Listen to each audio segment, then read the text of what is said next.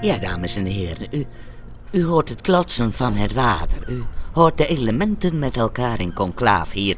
Ik sta in de haven van Lauwershoog en zie schepen aan de horizon. Doet mij denken aan onze rijke schippershistorie. Omarm dat, hè?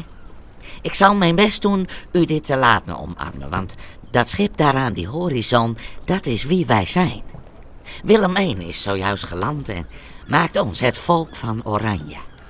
Het rijke volk van Oranje. Geld, betaalmiddelen, daar gaan we het over hebben in deze uitzending. Doet mij denken aan verbrassen. Het komt u bekend voor.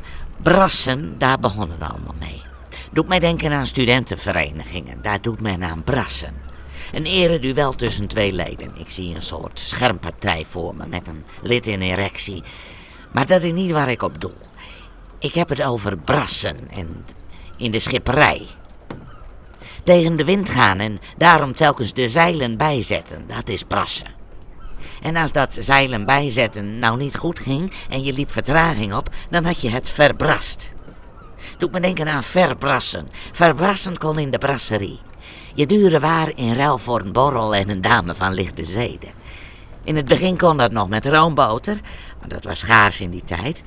En een half pakje roomboter voor een vrouw was heel normaal. Botergeil komt daar vandaan.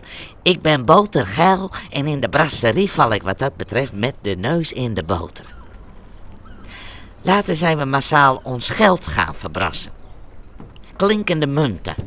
En vandaag de dag beginnen we met de bitcoin. Nou, voorlopig bid ik niet voor de bitcoin, maar ik zal er wel weer naast zitten, dames en heren.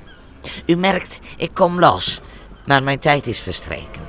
Ik blijf nog even gluren en turen naar de schepen, hier over mijn geliefde water, en spreek u later.